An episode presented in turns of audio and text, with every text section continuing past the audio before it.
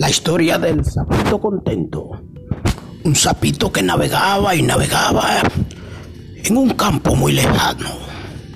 Era un campo de República Dominicana. Podía ser un campo del este. Podría ser en Vallaguana, que es un campo bueno. Ahí había un sapito que y el sapito navegaba, navegaba.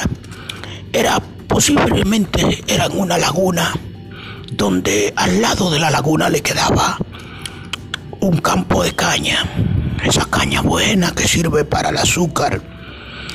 Me parece que esa caña la utilizaban en el Central Romana o la utilizan en el Central Romana. Un ingenio de moler caña para azúcar. La historia es del sapito. El sapito navegaba, navegaba y navegaba. Un día, el sapito se levantó muy temprano y encontró una niña que estaba cortando una caña. Y el sapito vio a la niña que estaba llorando. Y el sapito se acercó a la niña y le preguntó, Niña, ¿por qué llora? La niña se asombró y le dijo, Oh, un sapito que habla. El sapito le dijo, No, tranquila, no te asombre. No le diga a nadie que yo hablo. Pero dime, ¿por qué tú lloras?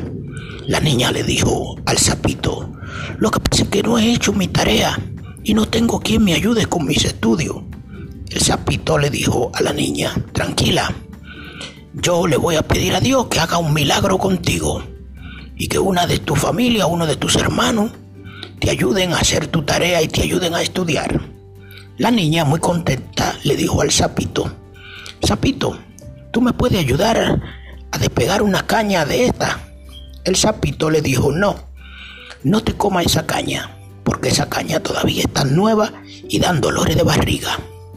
Mejor vete a tu casa y cuando tú llegues a tu casa, uno de tus hermanos te vas a ayudar a hacer la tarea por medio a un milagro de Dios. La niña, muy contenta, le dijo al sapito, sapito, me gustaría volverte a ver para hablar contigo. El sapito le dijo, no, no le diga a nadie que tú has hablado con un sapito, porque los sapitos o maco no hablamos. Ella le dijo, pero tú hablas.